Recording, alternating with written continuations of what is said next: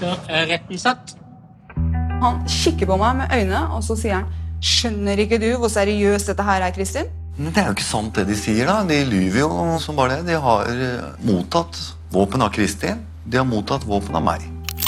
Drapsmedvirkning. Hvordan eh, ser du på den teorien? Det er helt sinnssykt. I 2002 ble Per Orderud dømt til 21 års fengsel for å ha vært med på å ta livet av familien sin. Nå, 21 år seinere, skal gjenopptakelseskommisjonen snart bestemme seg for om saken skal opp igjen. Per Orderud-saken den er åpenbart justisdrap. Og det er ikke holdbart når du skal dømme folk for trippeldrap. Hva har privatetterforsker Tore Sandberg funnet ut? Og hvordan står egentlig bevisene mot Per Orderud seg i dag? Hør Per Orderud, skyldig eller uskyldig, i Svarttrost Dukk. Der er Per.